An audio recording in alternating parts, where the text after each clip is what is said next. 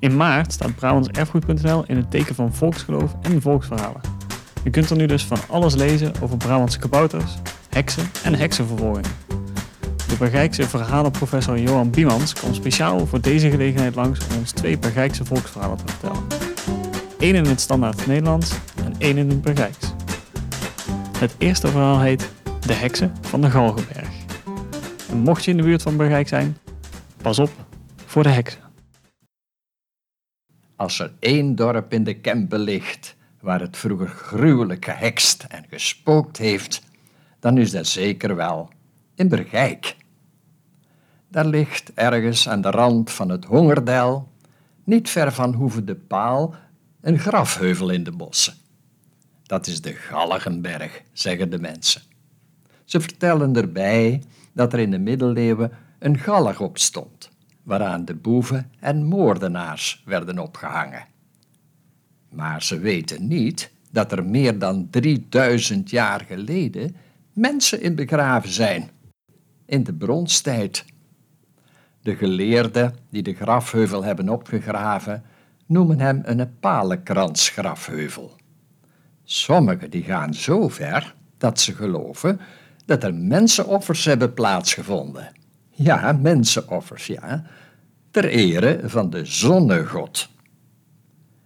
Er staan ook palen bovenop en eromheen, precies zoals ze er vroeger ook gestaan moeten hebben, mooi in een ronde cirkel. Nu wordt door sommige lieden beweerd dat de gemeentewerkers die palen daar neergezet hebben. Maar niets is minder waar. Natuurlijk, die mannen van de gemeente, die vervangen ze wel steeds om de zoveel jaar als ze weer door de wind en door weer versleten zijn. Maar hoe ze er vroeger gekomen zijn, luister maar eens, dan zal ik u dat eens vertellen.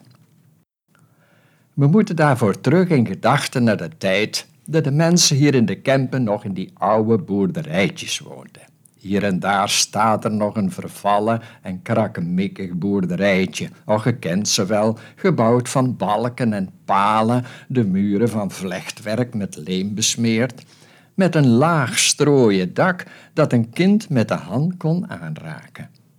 Het is lang geleden, dat zeg ik erbij, heel lang, voor grootmoeders tijd.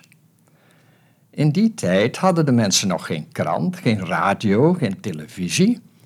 Een weerman of weerbericht bestond er dus ook nog niet. Nee, nee als de mensen wilden weten wat voor weer er op komst was, och, ze keken wel naar de lucht of ze luisterden naar de vogels. Als het zou regenen, dan rook ze dat wel aan de schoteldoek of ze hadden wel gemerkt dat de zwaluwen laag tussen de huizen vlogen. En als ze streperige wolken in de lucht zagen, dan zeiden ze tegen elkaar: Kijk, kijk, er zit een bezem in de lucht. Dat betekent, er zit een bezem in de lucht. Windveren zouden ze tegenwoordig in de beeld zeggen. Met andere woorden, die bezem, dat was een voorteken dat het zou gaan waaien. Ja, misschien wel dat er stormopkomst was. En dan was het niet pluis. Want één keer per jaar hadden de mensen in Bergijk daar gruwelijk schrik van.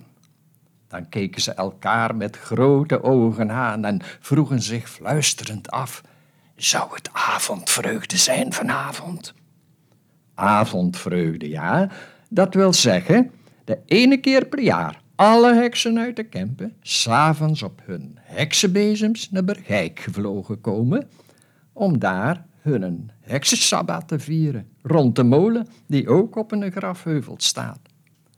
En zo'n avondvreugde ging gewoonlijk gepaard met een verschrikkelijk gejammer en een afschuwelijk gekrijs, zo erg dat horen en zien vergingen, non de pie nog aan toe.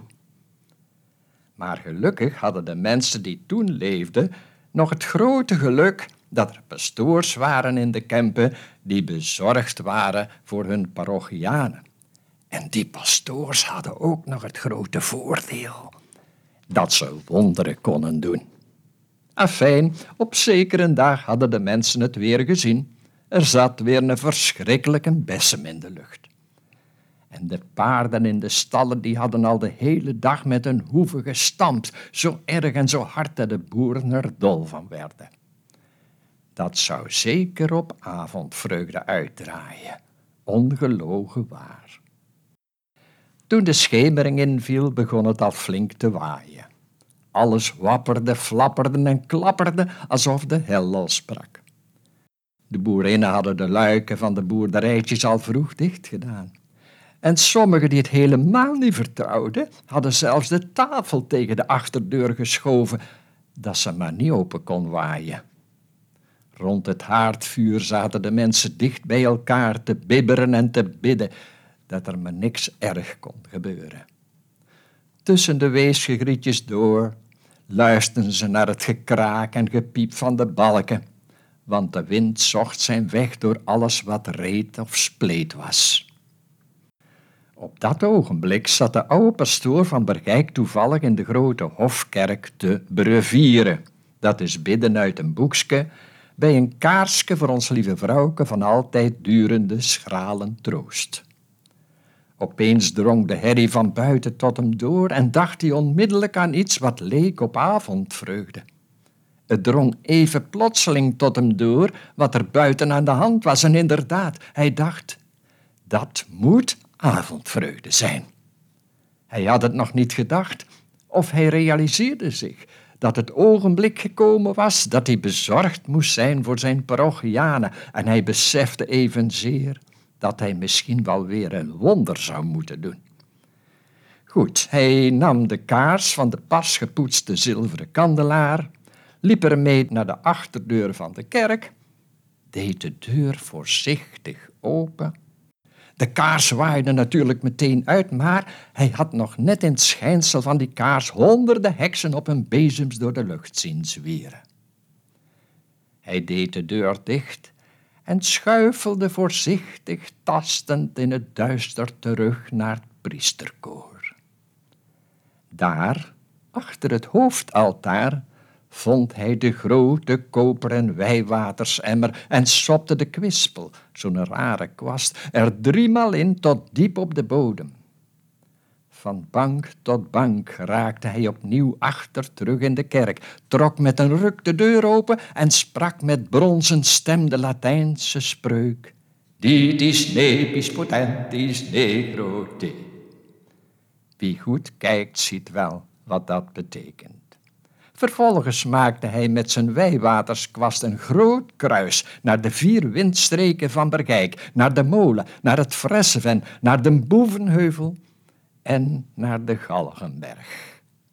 En op hetzelfde ogenblik dat het wijwater onder de rokken van al die heksen terecht kwam, zijn ze allemaal van hun bezems gestort en uit de lucht naar beneden geploft en veranderd in grote keien zoals je hier en daar in de Kempen en ook bij de Galgenberg nog ziet. Nou moet ik tussendoor toch even iedereen waarschuwen. Probeer vooral nooit met een speld of veiligheidsspeld in zo'n kei te prikken, want als er bloed uitkomt uit zo'n kei, dan was dat een heks. Het is maar dat ik het weet. Anders heb je de kans dat je verandert in een kraai en zo zien ze van zijn leven jou nooit meer terug. Maar rond de Galgenberg, waar je nu een krans van ongeveer 130 paaltjes ziet, daar waren op het moment dat het wijwater daar werd uitgesprenkeld maar liefst 130 heksen, vermomd als zwarte katten en een heksendans aan dansen. En toen hier dat mirakelse wijwater van het heilig verstoren is neergespat, let op, zijn hier al die heksen op hetzelfde moment verstokt en verstijfd. En daar staan ze nou nog. Dus laat u nooit wijsmaken dat de gemeentewerkers die palen en paaltjes daar vroeger neergeplant hebben, kom nou toch gauw, ga toch weg. Nee, maak dat de kat maar wijs. Het waar en er zijn nog steeds allemaal heksen. Want degene die het mij verteld heeft, die leeft nou nog. Amen.